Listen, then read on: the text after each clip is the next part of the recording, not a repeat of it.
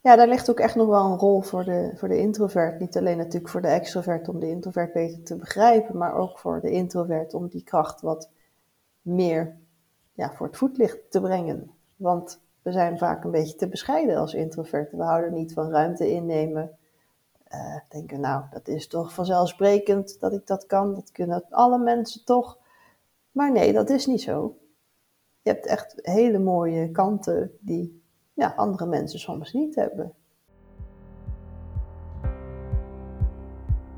Welkom bij Inner Essence, de podcast waar jouw essentie nog meer naar voren mag komen. Door te ontdekken wie jij diep van binnen bent en hoe jij wilt dat jouw leven eruit ziet. Omdat jij 100% jezelf mag en hoort te zijn. Het waard bent om zelf te bepalen hoe jij jouw leven wilt leven vanuit jouw ware essentie en jij alles in je hebt om dat leven waar te maken.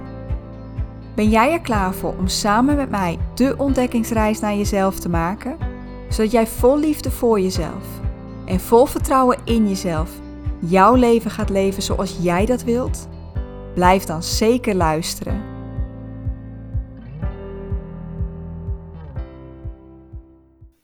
Hey, welkom. Tof dat je er bent. Wat leuk dat je luistert naar deze nieuwe aflevering van Inner Essence. En vandaag gaan we het hebben over iets wat ook echt ja, in jouw inner essence zit. Wat, wat echt een deel van je is. Uh, tenminste, als je een van mijn introverte luisteraars bent. Want we gaan het hebben over introversie. Ik zit hier vandaag met Caroline Koolhoff van Quiet Quality. En als coach begeleidt zij ja, introverte professionals. En uh, niet alleen in hun carrière, maar ook in hun leven, in de uitdagingen waar ze tegenaan lopen. Niet om ze meer extravert te maken, maar juist om te zien hoe ze die introversie kunnen benutten. Hoe dat hun kracht kan zijn. Hoe ze het kunnen zien als iets positiefs in plaats van iets is ja, wat, wat meer een last is. Wat, wat iets is wat je niet mag zijn. Een boodschap die wij ja, als introverte mensen toch ja, bewust of onbewust wel hebben gekregen. Tenminste, ik herken hem wel. En ze is ook schrijfster, de auteur van Introvert Leiderschap een boek over, ja, de titel zegt het al, introvert leiderschap, waar zij meer dan 400 introverte leiders voor heeft geïnterviewd. En ja, samen gaan wij het vandaag hebben over, ja, wat is introversie nou eigenlijk? Kun je er iets aan veranderen als je dat zou willen? Uh, wat zijn de uitdagingen waar we tegenaan lopen? Uh, misverstanden, vooroordelen die erover bestaan, maar ik denk nog het allerbelangrijkste. Wat, wat voor kracht zit erin als je introvert bent. Carolien, welkom. Dankjewel. Wat leuk dat ik hierover met jou in gesprek mag. Ja, vind ik ook. Dankjewel ook voor de uitnodiging. Als we, als we bij het begin beginnen. Ik kan het me bijna niet voorstellen, want de introversie is, is, heeft best wel veel aandacht gekregen de afgelopen tijd. Maar stel dat er nu iemand zit te luisteren die denkt, nou weet je, ik heb er wel eens van gehoord, maar ik heb eigenlijk nog geen idee wat het is. Hoe zou je introversie omschrijven? Uh, ik heb daar zelfs mijn eigen definitie van gemaakt. Dus uh, mooi dat je dat vraagt. Ja, want toen ik zelf voor mijn boek onderzoek ging doen, vond ik dat er eigenlijk geen enkele definitie was die helemaal de lading dekte.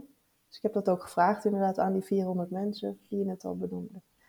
Uh, en op basis van al die antwoorden heb ik de definitie gemaakt dat een introvert iemand is die oplaat door alleen te zijn.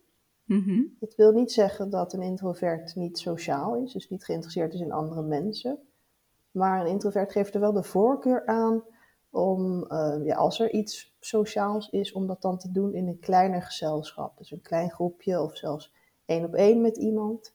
En de introvert wil ook graag wat meer tijd hebben om uh, verschillende perspectieven te bekijken voordat er ook daadwerkelijk een, een idee gedeeld wordt introvert gaat eerst even bekijken van nou, welke invalshoeken zijn er allemaal en wat vind ik daar dan van en dan gaat een introvert praten. Uh, het heeft voor een groot deel te maken met hoe de hersenen van een introvert in elkaar zitten. Um, Die hebben, hebben allemaal dopamine-receptoren, heet dat. Dat is het stofje wat maakt dat je je prettig voelt de hele dag door. Uh, daar hebben introverten er minder van, want ze hebben daar minder van nodig, van dat stofje. En ze zijn dus ook sneller overprikkeld. Um, dus als je dan kijkt naar uh, dat alleen zijn, uh, dat is een moment waarop ze dus even niet die prikkeling hebben en waarop ze hun energie kunnen opladen. Hetzelfde geldt voor dat moment waarop ze liever in een klein gezelschap zijn of één op één. Dat zorgt voor minder prikkeling, dus minder uh, dopamine. Dus niet zeg maar te veel dopamine, wat vaak gebeurt in grote gezelschappen, grote evenementen. Uh, dat zorgt gewoon voor overprikkeling bij introverten. Want eh, dopamine is een stof die dan wordt aangemaakt, ja, ja. als ik het goed begrijp. Klopt, ja. Wordt in de hersenen aangemaakt op basis van dus die, die prikkels die je de hele dag binnenkrijgt. Ja, maar je noemt het wel, het is wel het stofje wat, hè, wat waar we, ik weet niet wat je net zei, wel waar we gelukkig worden, blij. Ja, het zorgt voor, voor een soort instant happiness gevoel, zeg maar, dat je je prettig voelt. Maar het is niet uh, hoe meer, hoe beter, blijkbaar. Nee, bij een introvert zeker niet. Nee, nee. Voor de extrovert wel. Uh, die heeft namelijk meer van die receptoren. Uh, en die is dus ook de hele dag op zoek naar die interactie met anderen om daar maar genoeg van aan te kunnen maken. Dus dat verklaart dat verschil tussen waarom de een zo ontzettend bezig is met de hele tijd andere mensen opzoeken en de ander toch liever af en toe alleen is. Dus dat wil helemaal niks zeggen over ik heb er geen interesse in die mensen of ik ben bang voor die mensen. Maar meer van waar voel ik me prettig bij. Ja, en hè, als ik dan hoor van ja, het is, het is echt iets in jouw brein. Mhm. Is dat dan. Ehm, ja, ik, ik ben zelf uh, opgeleid als bioloog, dus ik ben heel erg plat gegooid met de term nature versus nurture. Mhm. is, zit het in jouw biologie of is het iets wat je hebt aangeleerd? Hoe zit dat met introversie? Is dat dan ook echt iets wat ja, misschien al vanaf je geboorte bij je is? Ja, dat stuk in ieder geval wel. Ehm, je zou kunnen zeggen dat het voor ongeveer de helft is aangeboren, want die hersenstructuur die is zoals die is en die verandert ook niet. Maar je omgeving heeft natuurlijk wel invloed. Stel dat jij als introvert ouders hebt die heel erg extrovert zijn, die gaan dat natuurlijk ook van jou als kind verwachten. Of dat je hmm. op school met eh, leerkrachten te maken krijgt die die verwachting hebben, of misschien kinderen om je heen. Uh, en, en dat maakt dat je dan leert om daarin aan te passen. Dat is ook wat ik heel veel zie gebeuren bij introverten, dat ze dat heel erg goed hebben geleerd. Maar uiteindelijk, als ze dat te veel doen, gaan ze dat merken in hun energielevel. Ja. Dus dan merken ze van, oh, ik heb toch wat minder energie. Uh, nou, nou ja, ik ben ook bijvoorbeeld mentor van eerstejaars studenten. Ik had er van de week ook eentje die dan zei van, ja, ik ben vroeger gepest. Ik heb daardoor zo goed geleerd om me aan te passen. Mm. Dat dat gewoon nooit meer gaat gebeuren. Maar ik merk wel aan het einde van zo'n dag ben ik gewoon helemaal leeg. En dat is wat ik ook bij heel veel introverten zie gebeuren. Die kunnen heel goed extrovert gedrag laten zien als ze dat geleerd hebben. Maar ja, helemaal op de lange termijn trekken ze dat helemaal leeg. Ja, ik heb misschien wel het gevoel dat ik dat juist niet heb geleerd. En daardoor, ik zie mezelf af en toe wel bijna als een, als een extreme extrovert. Uh, nee, zeg ik het verkeerd om natuurlijk, als een extreme introvert. Ik heb af en mhm. toe zelfs het idee dat ik als een kluizenaar zou kunnen leven. Nou ja, ik heb in de coronatijd gemerkt dat dat niet waar is. Um, ik, ben, ik ben vroeger ook gepest, maar ik heb daardoor juist denk ik geleerd om mij af te zonderen. Juist om alleen te zijn. Ja, ja en dat herken ik inderdaad wel. Ik heb dat ook op die manier ervaren. Maar wat er dan natuurlijk gebeurt is dat je een soort van loskoppelt van de rest om je heen. Dat je denkt van nou, jullie doen maar. En daardoor uit verbinding gaat met andere mensen. Dus dat is eigenlijk weer de andere kant van het verhaal. Dus je hebt bepaalde mensen die gaan zich zo aanpassen dat ze geaccepteerd worden. En anderen denken nou, laat maar. Eigenlijk bij een soort vluchtgedrag. Hè? Het hoeft al niet meer. Ik, ik, zoek wel mijn eigen mensen. Ja, dat heb ik ook heel lang gedaan. Maar wat je dan wel merkt, is dat je het dan wel lastig hebt af en toe om toch wel weer die verbinding aan te gaan. Ja, dat, dat herken ik heel sterk. Ja. Uh, de mensen die deze podcast uh, dit jaar vaker hebben gehoord, merken dat dat dit jaar voor mij wel een thema is. Verbinding, uh, vriendschappen, dat ik het daar. Um, ja, dat, dat ik dat een, een moeilijk, moeilijk aspect vind. Ja. Mm -hmm. ja, dat kan daar dus mee te maken hebben. Dat heeft ook alles te maken met natuurlijk kwetsbaarheid. En, en kwetsbaarheid kun je alleen maar tonen als je je veilig voelt. En ja, gepest zijn is gewoon niet zo'n goede basis voor uiteindelijk je veilig gaan voelen natuurlijk. Om, om jezelf te zijn en te delen wat jij te delen hebt. Nee. Ja, ik, ik, ik weet niet, niet precies waar het voor mij zit. Mhm. Maar wat, wat ik merk is dat ik, juist doordat ik mij vrij veel terugtrek, Um, misschien al van tevoren denk, ja, maar als ik nu contact met iemand zoek, dan weet ik dat mij dat leeg gaat trekken. Mhm. Dat ik dat uit ga stellen. Maar doordat ik nooit het contact zoek, ben ik ook niet de persoon waar mensen contact mee gaan zoeken. Dat ik het gevoel dat het daar ook, ook wel kan zitten. Ja, ja. Ja, dat is natuurlijk ook, ook wel weer. Mensen gaan ook met een bepaalde bril daarnaar kijken. Er wordt ook heel veel op een verkeerde manier gekeken naar introverten. Uh, dus dat ze niet sociaal zouden zijn. Hè. Je noemde al het woord kluizenaar. Nou, uh, eigenlijk ieder mens heeft natuurlijk toch wel behoefte aan, aan contact hè, met andere mensen. Inderdaad, ook in coronatijd merk je dat. Van nou ja, het is misschien een paar dagen fijn. Helemaal in je eentje werken. Maar je gaat het toch wel missen die mensen om je heen en, eh, en het contact daarmee. Hoeft niet de hele dag, maar af en toe is wel fijn. Ja. Ja. Ja, ik noemde net corona als voorbeeld, maar eigenlijk was het, het de grootste overgang voor mij toen ik uit loondienst ging en zelfstandiger werd. Mhm. Omdat ik toen van ja, elke dag met mijn collega's zitten, uh, opeens naar een hele week alleen ging. En dat ik merkte dat dat inderdaad ook niet was wat ik graag uh, wilde. Dat ik dan toch wel af en toe uh, die, um, ja, dat contact nodig had. Ja. Ja, en dat is natuurlijk ook wel een vrij heftige overgang. Hè? Dan van ja. heel veel contact naar eigenlijk niet meer. Zeker als je begint met ondernemen, dan heb je nog niet zo'n netwerk opgebouwd. Nee, klopt. Um, even kijken. Je had het net over die uh, gevoeligheid voor prikkels. Dat komt blijkbaar doordat wij dan te veel dopamine binnenkrijgen. Mm -hmm als ik hoor ja, eh, gevoelig voor prikkels, dan denk ik ook meteen aan hoogsensitiviteit. Het is niet hetzelfde, toch? Nee, nee, dat klopt. Uh, hoogsensitiviteit heeft meer echt met uh, een ander soort prikkels te maken. Dus dan heb je het over licht, geluid, gevoel. Terwijl bij introverten is het echt het contact met anderen. Uh, grote hoeveelheden mensen. Het zit hem echt in de mensfactor. Oké. Wat dan de, de prikkel is. het is een ander soort prikkeling. En er zijn dus ook extroverte hoogsensitieven. Kun je nagaan hoe lastig dat soms kan zijn. Want die mensen willen heel graag, maar die zijn gewoon heel vaak overprikkeld ook. Dus die moeten constant een balans zoeken tussen uh, ja, het vinden van contact, maar ook niet overprikkeld raken. Ja, ik, ik, ik, ik zie mezelf als een, uh, in ieder geval introvert en ik verwacht ook hoogsensitief. Mm En dat is nog redelijk te combineren, want je gaat gewoon prikkels uit de weg. Maar ik, ik benijd uh, hoogsensitieve extraverten echt niet. Nee. Nee, zo heb je ook um, introverte verlegen mensen. Of, uh, sorry, extroverte verlegen mensen. Die dus wel dat contact willen, maar verlegenheid is eigenlijk meer sociale angst, het niet durven. Ja. Ja, persoonlijkheid, ik vind het zo fascinerend, alle verschillende aspecten. En het, het is ook gewoon geen zwart-wit plaatje. Hè? Want dat, kijk, we hebben het nu over introvert, extrovert, maar het is natuurlijk wel een spectrum. Dus je bent nooit 100%. Ook jij hebt extroversie in je. Maar het verschilt gewoon per persoon hoeveel je daarvan hebt. Ja, en, en waar ik denk ik ook, want ik, ik zeg nu wel, hey, ik merk dit en ik merk dat. Maar de vraag is natuurlijk altijd: komt dat door je introversie? Of komt dat ook door alles wat je in je verleden hebt meegemaakt? Ehm, dus, dus, ik vind het ook altijd nog lastig van, ja, is het nou, komt het nou doordat ik introvert ben? Of doordat er een of ander, andere overtuiging zit die ik mezelf heb aangeleerd? Ja, dat is zeker een goede vraag om jezelf te stellen. Ja. ja.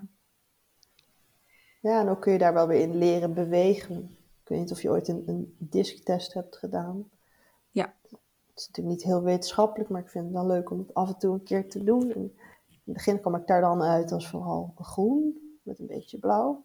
Maar de laatste keer dat ik hem deed, kwam ik ook ineens heel erg rood uit. Oh? Ja, ik vind dat, vond dat heel grappig. En dan heb ik geen idee of de luisteraars weten wat groen, blauw, en rood en geel inhouden. Nou ja, groen is dus meer mensgericht eh, en introvert. Blauw is heel gestructureerd en introvert. En rood is juist heel erg meer extrovert actiegericht. Uh, en, en bij mij uitzicht dat dus in het feit dat ik als zelfstandig ondernemer ben ik heel ondernemend en heel actief. Ik heb heel veel energie. En door de wetenschap wordt energie gelinkt aan extrovert, wat ik eigenlijk onterecht vind, want ik ben gewoon een hele energieke introvert. Hmm, ja. Ja, ik scoorde inderdaad uh, heel erg groen Mhm. in het begin. Uh, ik heb ook nog een andere test gedaan waarbij ook nog met tussenkleuren wordt gewerkt. Dus dat je tussen groen en blauw in zit of tussen groen en geel. Oh ja. En, um, nou, en, en, dat was in groepsverband. En ik, ik had hem blijkbaar, ik had iets op de lijst niet goed ingevuld. Waardoor ik anders scoorde. Maar ik dacht, ik herken me hier helemaal niet in. Waar de begeleider ook zei: Nee, jij, jij, je scoort nergens tussenin. Je scoort eigenlijk alleen maar in groen. Dat is ook misschien niet heel positief. Um, ik merk het, denk ik, in mijn eigen werk kan ik inderdaad behoorlijk rood zijn. Maar naar buiten toe, naar anderen toe, totaal niet. Maar ook daar zit denk ik een stukje conflictvermijding in. Ja, ja, ik heb dat echt geleerd als ondernemer om dus wel heel erg naar buiten te treden, omdat ik ja. een bepaalde missie heb om dus meer begrip te creëren voor introversie, maar sowieso voor verschillen in persoonlijkheid. Uh, dus ik ben heel erg zichtbaar geworden. Ik, ik, schrijf daarover, ik maak zelf een podcast, ik heb dat boek geschreven, ik ben heel actief op LinkedIn en ik krijg het ook wel eens te horen van mensen. Van, oh, ik zie je zo vaak langskomen. Ja, dat, dat vind ik gewoon belangrijk, omdat ik weet, ook omdat ik heel lang journalist ben geweest, dat je je boodschap toch ergens uit moet dragen, anders bereik je niemand. En op het moment dat mensen zeggen, um, hé, ik, ik zie je zo vaak of je post zo vaak, krijg je dan ook wel eens de vraag, ben je wel echt introvert? Ja, soms maken mensen daar wel eens grapjes over inderdaad, omdat ze er toch een soort van verkeerd beeld van hebben. Ja. Uh, ook met, met lesgeven, ik geef nu les samen met twee anderen. Uh, voordat we het jaar begonnen heb ik ze mijn boek gestuurd. Nou, ik denk, nou, dan begrijpen ze me in ieder geval een beetje beter. Dan kreeg ik ook de vraag van, moet jij ook op een specifieke tijd beginnen? Want hiervoor hadden we een collega die dat altijd deed. En ik denk, ja, ik ben niet autistisch, ik ben introvert. Ja, Zo wordt er ja. toch nog wel eens ook verkeerd over gedacht. Ja. ja, een van de dingen die ik ook wel tegenkwam. Um, we hebben het een keertje, toen ik nog in loondienst werkte, ook in het team gehad over introversie en extraversie. En dat was echt de meest extraverte van het team die dan zegt: Ja, maar ik wil ook wel eens alleen zijn. Ja, maar waarschijnlijk een stuk minder dan ik. ja, nee, maar dat, dat klopt helemaal. Ik bedoel, iedereen heeft die behoefte uiteindelijk. Ja. Net zoals de introvert ook behoefte heeft aan menselijk contact. Ja, je, je noemde het net al. Je, je, je noemde het woord verlegen. Mm -hmm. We komen misschien een beetje bij de, de vooroordelen. De, nou, de misverstanden hebben we het eigenlijk een beetje over gehad. Maar een van de vooroordelen is volgens mij echt dat als je introvert bent, dan ben je verlegen. Ja, wordt vaak in één adem genoemd, inderdaad. Maar als je het plat slaat en kijkt naar uh, wat er in de wetenschap is onderzocht op het vlak van persoonlijkheid, dan valt verlegenheid onder emotionele stabiliteit. Hmm. En niet onder extraversie. Dat is een andere categorie. Dus het staat los van elkaar. Ja, toch is het het stempel wat ik als kind kreeg. Mm -hmm. Terwijl het vooral was eventjes de kat uit de boom kijken, even wennen aan een nieuwe situatie. Ja, het is die tijd die je neemt als introvert inderdaad, ja. die dan geïnterpreteerd wordt als angst hebben voor. Ja. Maar dat hoeft helemaal niet zo te zijn, want verlegenheid gaat echt meer om sociale angst. Uh, is vaak ook iets wat ontstaat gedurende je leven. Dat je bijvoorbeeld een keer als kind een spreekbeurt deed die niet goed ging, dat je nooit meer van een groep wilt staan. Of dat soort dingen. En daar kun je dus ook aan werken. Terwijl introversie, zoals ik zei, nou ja, dat is deels aangeboren. En vind ik ook veel meer een, een neutrale karaktereigenschap eigenlijk. Ja, het wordt vaak niet als neutraal gezien. Nee.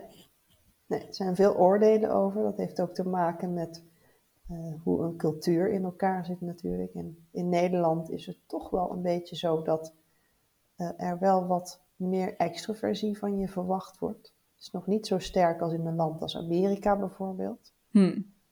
Uh, ook daar is onderzoek naar gedaan, grappig genoeg. En dan wordt individualisme gekoppeld aan extroversie.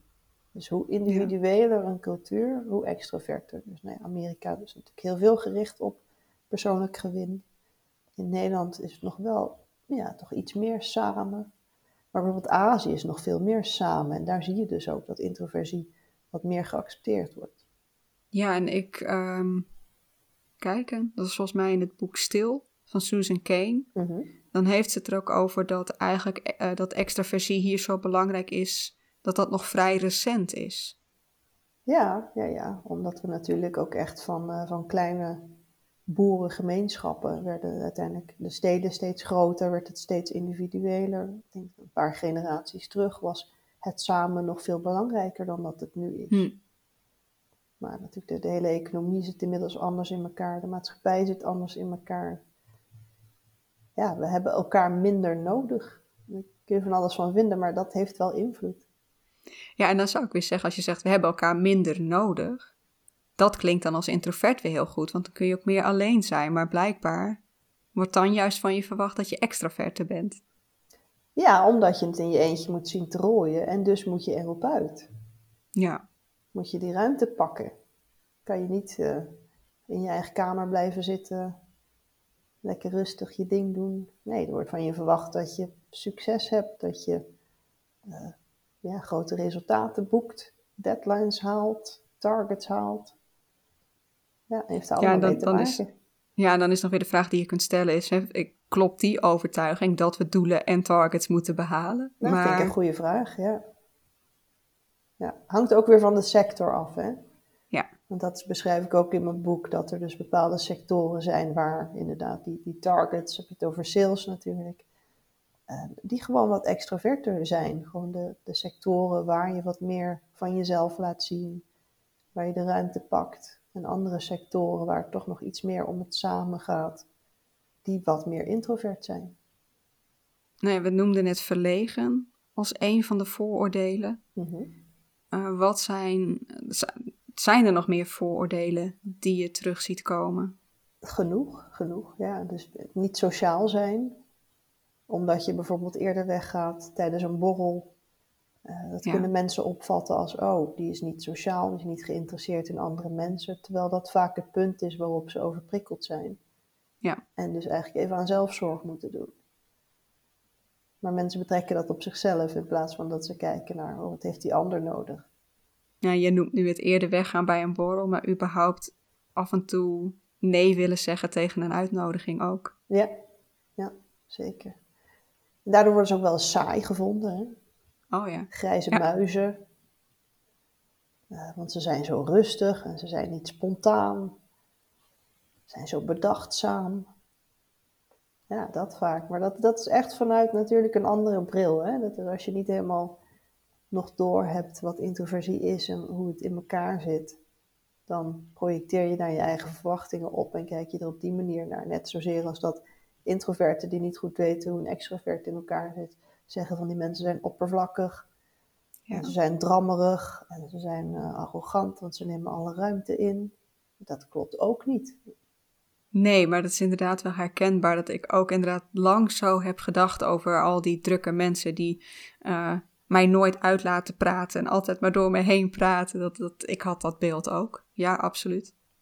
Ja, daar gaat het dus echt om, om elkaar begrijpen. En dat is ook echt waar ik mijn missie van heb gemaakt. Dus om die twee groepen, of eigenlijk nou ja, drie zijn het, en je ook nog ambiverten in het midden, dat zijn eigenlijk de meeste mensen. Om die dichter bij elkaar te brengen, om te zorgen dat die elkaar beter begrijpen, dat ze zien van wat de ander te bieden heeft, maar ook wat die ander nodig heeft, zodat je fijn kunt samenwerken. Want ik geloof echt in de optelsom van al die verschillen, dat je dat gewoon nog veel sterker maakt. Ja, je noemde even de term ambivert. Mhm. Hoe zou je dan de ambivert omschrijven? Nou, de ambivert zit eigenlijk een beetje in het midden van het hele spectrum. Het is dus eigenlijk een schaal, hè, persoonlijkheid. En uh, ambiverten zitten dan zo, ja, ze zeggen meestal tussen de 30 en de 70 procent, zeg maar, die lijn. Het zijn ambiverten, dus dat zijn de meeste mensen.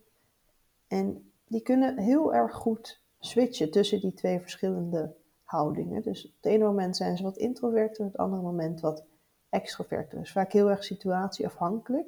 Mm heeft ook te maken met of ze zich prettig voelen. Op het moment dat ze zich prettig voelen, kunnen ze echt honderd praten, heel veel delen.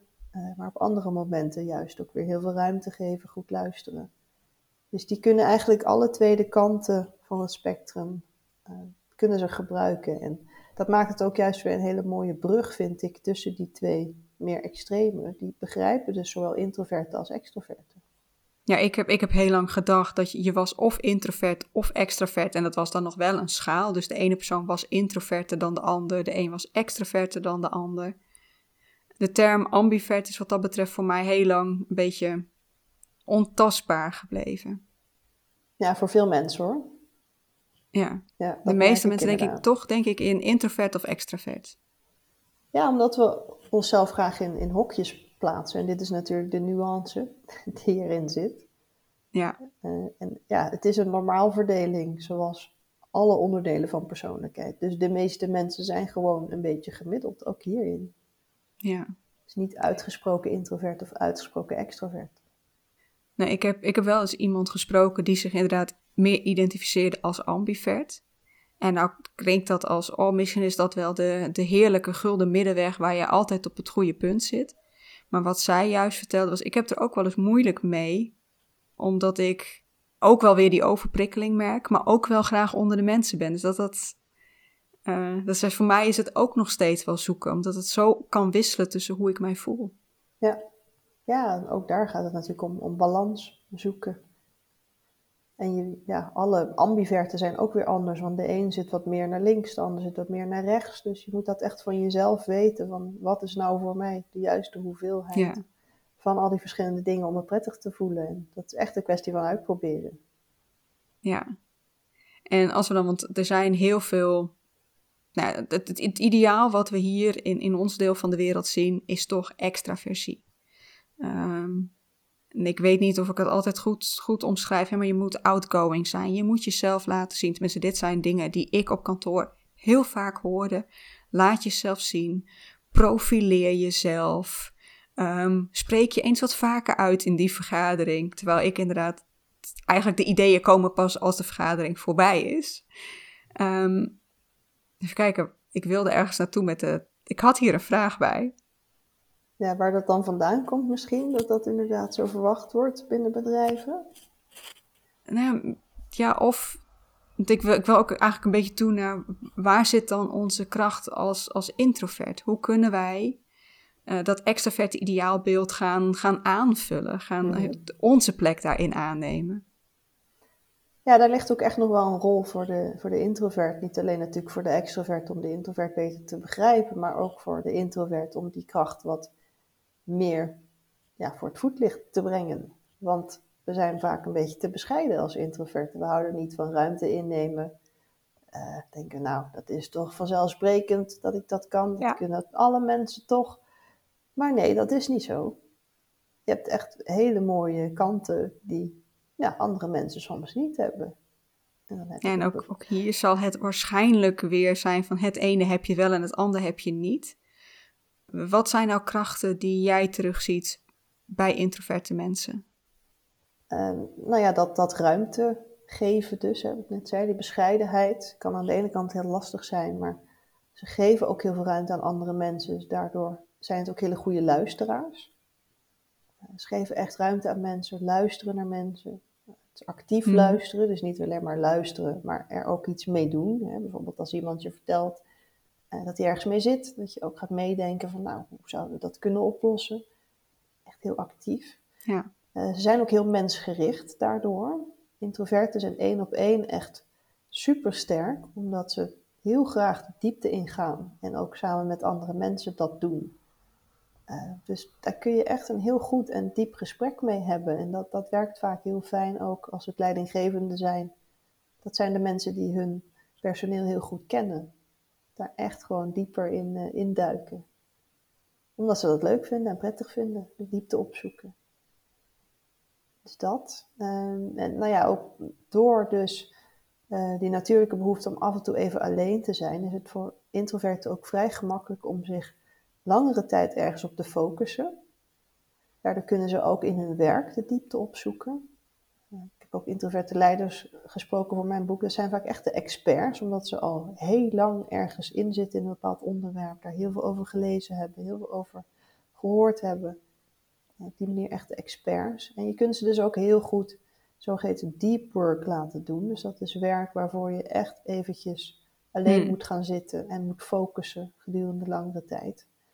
Uh, dat vindt een introvert niet erg, omdat hij niet dan weer die prikkeling van anderen nodig heeft. Ja, de, de introvert vindt het juist waarschijnlijk dan weer vervelend als hij wel wordt onderbroken. Ja, ja, inderdaad. Dus als er dan telefoontjes tussendoor komen of als collega's ineens langslopen. Ja. Uh, ook nou ja, van die open offices, dat is echt de nachtmerrie van de introvert. Want je kan daar niet gefocust werken. Nee, klopt. Ik, ik voelde me altijd de surpiet op kantoor, maar dat was, um, dat was regelmatig dat er vanuit een ander team iemand binnenkwam om even een vraag te stellen. Nou, als dat één is, was het nog van oké, maar soms waren er drie tegelijkertijd en allemaal gesprekken door elkaar. En dat ik weer aan de bel moest trekken met jongens, kan dit even buiten onze kamer? Ja. Dat is heel herkenbaar. Ja, want het haalt je gewoon uit die concentratie, die diepe concentratie waar je dan net in zit, inderdaad. Wat toch je voorkeur heeft, ja. Ja, je noemde open offices. Mm nou, ik, ik noem eigenlijk, uh, wij zaten dan met negen man volgens mij per kamer of acht. Helemaal wel met een deur open waar iedereen altijd binnen kan lopen. Ik weet niet of je dat ziet als een open office of, of dat je het dan hebt over de kantoortuin. Ja, het is echt de kantoortuin inderdaad. Ja. ja. Ja, ik heb daar zelf ook gezeten op een journalistieke redactie. Dus je kunt je voorstellen hoe hectisch dat kan zijn.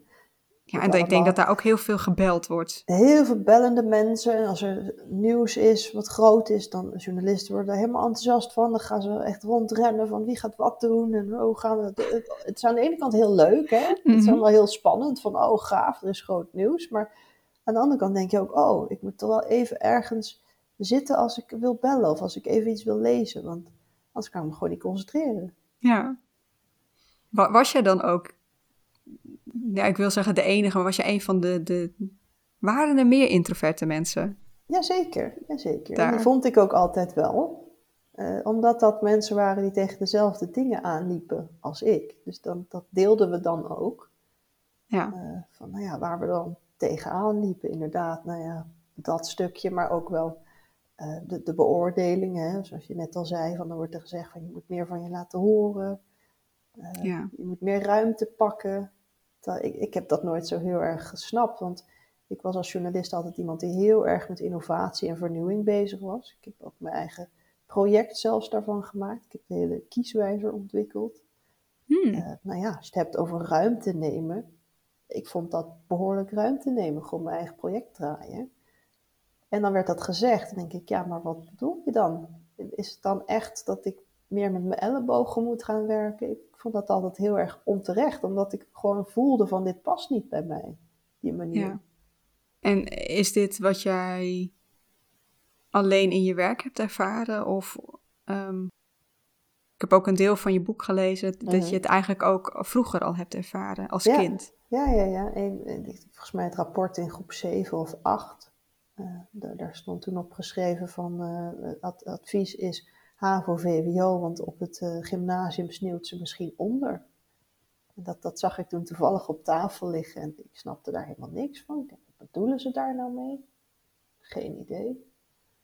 Mm. Dat, en dat heb ik altijd wel onthouden en, en eigenlijk ook wel meegenomen, maar ik kreeg daar pas antwoord op toen ik dus inderdaad aan het werk ging en weer dat soort opmerkingen kreeg. Toen echt ben gaan kijken van wat is dat dan? Wat is dat stuk? Ik ben echt dieper in mezelf gedoken om dat te begrijpen. Ik ben ook zelf naar een coach gegaan uh, met de vraag van, hé, hey, ik heb het idee dat dat wat erin zit er nog niet uitkomt. Dat was natuurlijk wat me iedere keer verteld werd. En ook met, op dat moment had je het gevoel dat je extraverter zou moeten zijn? Ook al kon je er misschien toen nog geen naam aan geven, dat weet ik niet, maar... Ja, dat was wel een beetje de verwachting inderdaad je meer profileren, meer van je laten zien. Maar ja, dat was natuurlijk niet de manier. En dat is ook niet wat ik met die coach ben gaan doen. Dat ging veel meer om, om zelfacceptatie en daar de waarde van inzien. Ja. Voor jou is, is ehm, wat dat betreft jouw schooladvies waar je het, het meeste aan hebt gemerkt? Of heb je het ook aan andere dingen dat, je, dat het wel anders voelde misschien? Ja, ja, dat sowieso wel, omdat ik altijd wel een voorkeur had voor bepaalde dingen. Kijk, ik, ik woonde soort van in de bibliotheek als kind, dus ik mm. kon ook veel sneller lezen op een gegeven moment dan andere kinderen, omdat ik daar gewoon heel veel mee bezig was geweest.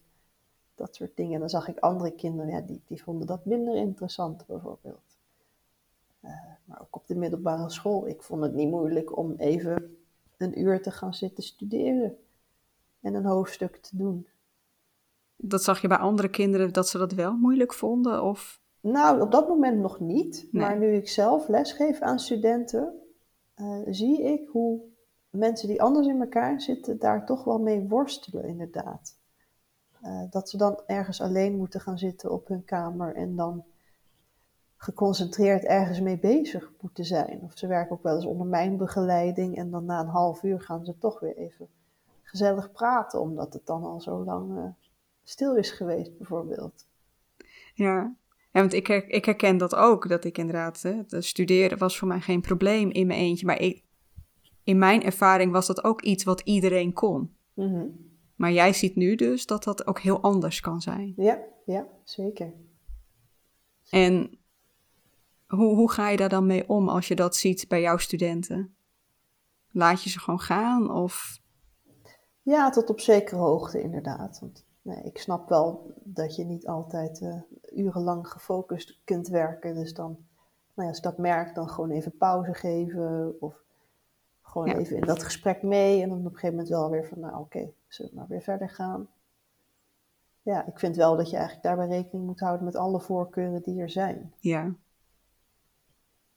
ja, want anders zou je weer je introverte norm gaan opleggen. Van nou, ga maar drie uur stil werken. Nee, dat, dat is niet te doen natuurlijk voor een extrovert. Ja, ik kan me voorstellen dat dat voor ehm, dat dat niet voor iedereen haalbaar is. Nee. Ik herken ook voor mezelf dat dit, dat lukt mij ook niet elke dag. Nee, dat is inderdaad, want de ene dag heb je gewoon meer behoefte aan die rust dan de andere. Ja. Na een rustige dag is het weer fijn om even wat meer onder de mensen te zijn. Ja, even kijken. Ik zit even te kijken, want ik had het er net over. We zouden het hebben over vooroordelen en misverstanden. Die hebben we volgens mij gehad. Mhm. Eh, uitdagingen. Uitdagingen hebben we het. Hebben we het dan vooral over werk gehad? Vraag ik me af of ook. Want wat. Nee, ja, ook sociaal, maar misverstanden en uitdagingen liggen natuurlijk ook heel dicht bij elkaar. Dus als iemand zegt: Ja, jij bent niet zo sociaal. Is meteen ook een uitdaging waar wij tegenaan lopen. Ja, ja. ja. Maar als je nou kijkt waar de mensen die ik coach vaak tegenaan lopen, dan heb je het ook over bijvoorbeeld omgaan met dominante mensen. Hmm, ja. Juist, juist hele rode mensen, om het maar zo te noemen. Dus daarom vond ik het wel weer grappig dat ik er als rood uitkwam. Dus hoe je daarmee omgaat, want dat zijn mensen die heel veel ruimte innemen. Dat is natuurlijk lastig als je dat zelf niet doet. Uh, maar ook in een vergadering toch die ruimte vinden om iets te zeggen. Introverten wachten vaak netjes tot iemand is uitgesproken, maar die extrovert die blijft maar praten. En vindt het ook helemaal niet erg om onderbroken te worden, want een extrovert denkt en praat tegelijk. Dus dan kan het alleen maar helpen als je diegene onderbreekt. Dan gaat die gedachtenstroom misschien weer een andere richting in. Ja, dit, dit herken ik ook heel sterk. Inderdaad, wachten tot iemand uit is gepraat. Dan proberen er tussen te komen, maar dan is iemand anders alweer aan het praten. Dan denk je, nou, ik wacht nog wel even. En dan heb je eindelijk je ruimte gevonden en dan ben je je verhaal aan het doen. En dan onderbreekt iemand anders je. En dan denk je, ja, laat maar. Wordt toch niet naar mij geluisterd. Ja, inderdaad. ja, of je komt er smiddags of s avonds nog achter van, oh, ik had dit ook willen zeggen. Ja, die ook. Ja, dus voorbereiding is ook heel belangrijk. Dat je daar in ieder geval al over hebt nagedacht en dat je dat o-moment van tevoren hebt in plaats van daarna. Maar dat betekent dan wel weer dat je van tevoren moet weten waar een overleg over gaat. Ja, ja. dat raad ik ook altijd aan inderdaad. Van vraag of er een agenda is of kun je al even met iemand praten over wat er besproken gaat worden, zodat je daar rekening mee kunt houden. Ja. Als ik een redactievergadering had, ik zat al een half uur in de trein alle nieuwsites door te scrollen. Wat is er allemaal gebeurd? Wat zie ik aan mogelijke verhalen voor vandaag. En dan had ik al een heel lijstje gemaakt. Zodat als ik daar stond, dat ik ook iets te melden had. Dat je daar niet staat van, ja, ik moet er nog over nadenken. Ik weet het niet. Ja. Ja, ik weet het bij ons was, het was er niet altijd die mogelijkheid. Hm. Mensen vonden het niet altijd fijn om... Misschien waren dat dan weer meer de extraverte mensen die zoiets hadden van... Ja, ik zie wel wat er in de vergadering komt. Ik heb geen zin om eerst na te denken over waar we het vandaag over gaan hebben. Ja, maar dat is wel heel erg vanuit hen gedacht natuurlijk. Ja. En jij hebt daarin iets nodig, dus is het als introvert ook wel heel belangrijk om dat wel te vragen, want anders dan werkt het voor jou niet fijn. Ja, nu, nu jij dit noemt, zie ik hier inderdaad een strijd die wij op kantoor wel hadden inderdaad. En er was een groepje van, ja, we willen heel graag van tevoren een agenda. En er was een groepje die, die zoiets had van, uh, nee, dat is nergens voor nodig en ik heb geen zin om dat nu te doen. Ja, ja. dat is gewoon vanwege die verschillende voorkeuren. Maar ja, waarom zou je daar maar rekening houden met één? Jullie werken daar toch allemaal? Klopt. Maar het is denk ik ook een beetje, het was nooit de gang van zaken om een agenda te hebben. Ja. En als er dan opeens om wordt gevraagd, ja, dan snap ik wel dat de hakken in het zand gaat, want het is weer extra werk. En ja, zelf zie je er niet echt een noodzaak van in. Mm. En het is verandering, daar houden mensen ook nooit van. Dat. Ja. Ja, maar wel heel belangrijk. Wel heel mooi een dame die ik, die ik aan het coachen ben, die dat inderdaad nu wel op die manier ook gewoon gebracht heeft. Gewoon van, nou ja, dit en dit en dit heb ik nodig, want ik vind het belangrijk dat het ook voor mij een fijne plek is om te werken. Dat hoef je natuurlijk niet op een hele extroverte, eisende manier te brengen, maar je kunt het gewoon heel rustig vertellen en uitleggen. Dan hebben mensen daar vaak nog best wel ook aandacht voor. Ja, want dan merk je dan wel dat, dat er wel begrip ontstaat. Ja, ja wel steeds meer. Uh, ik word ook regelmatig uitgenodigd bij bedrijven en, en, overheden om te vertellen over dit onderwerp. Ook echt voor gemengde groepen. Hmm. Uh, waar ik dan ook al die verschillende persoonlijkheden belicht en hoe je daar dan het beste gebruik van kunt maken. En nou ja, veel van die plekken hebben wel uh, clubjes die met diversiteit en inclusie bezig zijn. Maar die vallen van hun stoel als je zegt van nou, dit is ook onderdeel daarvan. Want persoonlijkheid, je ziet het natuurlijk niet, het zit veel dieper. Maar moet je wel degelijk meenemen. Wordt vaak helemaal niet naar gekeken nog. Nee, denk het ook niet. Nu je het hebt over, over inclusie, over hè, dat iedereen meegenomen moet worden, denk ik ook niet meteen aan introversie of extraversie. Maar nu je het zegt, hoort dat er denk ik wel bij.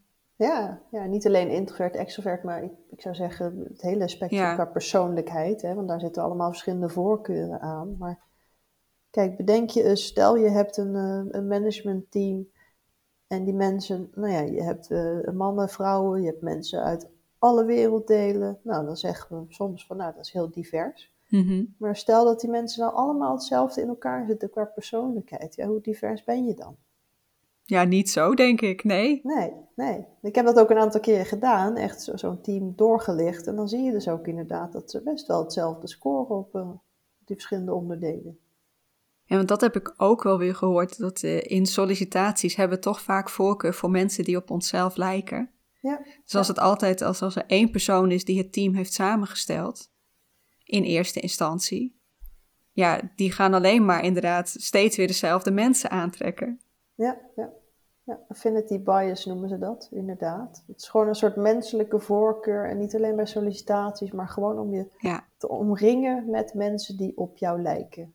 Want dat is vertrouwd, dat is veilig, dan weet je waar je aan toe bent. Maar je mist ook heel veel. Ja. Ja, ik denk dat ik dat zelf onbewust ook wel doe. Dat daar toch, uh, ja, ook omdat je en dan ga ik toch wel weer heel even naar de introversie-extraversie schaal. Uh, ja, ik zit nu heel even na te denken, want ik heb inderdaad ook wel extraverte vrienden, waar ik het af en toe heel fijn vind om bij te zijn, omdat zij de energie dan even lekker hoog houden. En ik juist lekker in die luisterstand kan, uh, kan schieten. Mm um, maar ik denk juist doordat ze ook zo aanwezig en zo ja, dominant kunnen zijn, dat je toch je voorkeur gaat hebben voor mensen die op jou lijken. Ja, ja wat eigenlijk heel, heel jammer is, hè? want je kunt elkaar zo mooi aanvullen daarin. Ja. Dat geloof ik echt. Nou ja, ook als je het over bedrijven hebt uh, en, en, plekken waar innovatie heel belangrijk is. Ja, voor innovatie wil je natuurlijk verschillende ideeën, verschillende invalshoeken. Dus hoe diverser, hoe beter. Uh, maar ook gewoon om ervoor te zorgen dat mensen zich fijn voelen op bepaalde plek. Als je gewoon daar wat meer oog voor hebt en daar ook de ruimte voor biedt voor mensen om zichzelf te zijn, dan heb je ook niet dat enorme verloop wat je nu op bepaalde plekken ziet. mensen gaan ook gewoon weg als ze denken, ik pas hier niet. Ja. Ja, en als we dan kijken, want je, je hebt het over, we kunnen elkaar echt ontzettend goed aanvullen. Uh, waar vult een introvert een extrovert heel goed aan? En ook andersom, wat, wat kunnen wij weer, uh, waar, waar vult een extrovert ons weer aan? Waar zit nou die samenwerking, denk je? Nou, als introvert kunnen we de extrovert helpen om soms even iets langer na te denken over bepaalde dingen en om wat meer ook de rust te bewaren in die dingen. Uh, dus het is een beetje een soort van stabiele basis. Hm. Uh, we zijn ook heel goed in, in lange termijn dingen, want dat hoeft allemaal niet zo snel, snel. Uh, dus echt om eventjes die stap terug te zetten, de helikopterview aan te nemen en eens goed na te denken van is dit nu echt wel de juiste stap om te zetten? Dat eigenlijk, dus wel een stuk rust denk ik. Ja, misschien ook wel de risico's een beetje onder ogen krijgen. Ja, ja, zeker. Ook weer vanuit die verschillende perspectieven inderdaad dingen bekijken. Uh, dat is ook wat ik met die helikopterview inderdaad bedoel. Van nou eerst eens even het, geheel overzien en dan pas beslissen. Dus dan heb je het ook over risico's, over kansen natuurlijk. Ja, dat stukje. Ik denk dat dat wel een hele belangrijke is. Uh, terwijl de extrovert, uh, die kun je natuurlijk heel goed Ehm, op een podium neerzetten. Nou, dus ik wil niet zeggen dat een introvert dat niet kan, maar het kost gewoon meer energie. Dus introverten vinden het vaak fijner als daar gewoon iemand gaat staan die dat soort van vanzelf doet. Mm Dus dat stukje. Uh, nou ja, het korte werk, het snelle werk, uh, het, het, resultaatgerichte daarin. Dus ik denk ook wel het stukje toch in actie komen. Mm want wat, wat ik wel herken is dat je als introvert nog wel eens vaak in de ik moet alles voorbereiden modus wil blijven hangen. Ja, of ook misschien twijfelen. Ja. Denk van wat is nou de beste optie? Dat je toch iemand hebt die zegt van oké, hop, nu gaan we toch een knoop doorhakken, nu gaan we het toch doen. Zodat je niet verzandt in het alles analyseren en niet meer in beweging komen. Ja. Dus daar denk ik. Dus waar de ene meer voor stilstand en rust gaat, gaat de ander meer voor actie en, en vooruitgang. En zo helpt het elkaar, denk ik, een beetje in balans te komen met die twee dingen. Dus het is, het is niet hollen, maar ook niet stilstaan. Het is ergens in het midden. Ja, alleen zit daar dan weer de uitdaging voor ons als introvert om dat ook te laten zien. Dat wij daarmee uh, ja, ook een project verder kunnen helpen. Ja, ja. En om daar ook echt daadwerkelijk trots op te zijn. Want nou ja, in een wereld waar je het gevoel hebt dat dat toch niet de kwaliteiten zijn waar ja. direct om wordt gevraagd, kun je wel eens denken van nou, is dat nou wel zo'n kwaliteit? Maar dat is het wel degelijk. En dat is echt wel een, een taak van de introvert om dat gewoon te laten zien en ook af en toe actief te benoemen. Gewoon te zeggen van nou, ik ben misschien eh, een dag van de radar geweest, maar ik heb dit, dit en dat gedaan allemaal. Ja. ja. dan zien mensen ook wat daar gebeurt. Hè? Want dat is vaak ook wat er gebeurt omdat ze geen zicht hebben op dat proces. Dus denk je, ja, wat doet die persoon eigenlijk? Ja, klopt. En als je nu, voor, voor de, de, de introverte luisteraars, wat zijn nou, en ik nu even de introverte luisteraar die misschien nog wel echt struggelt met het feit dat ze zo stil zijn, dat ze zo, ja, het gevoel hebben dat ze niet sociaal genoeg zijn of dat ze niet aanwezig genoeg zijn op kantoor. Wat wil je hem meegeven? Wat zijn tips van jou, zodat ze daar meer, ja, dat, dat daar ruimte voor kunnen geven in hun leven?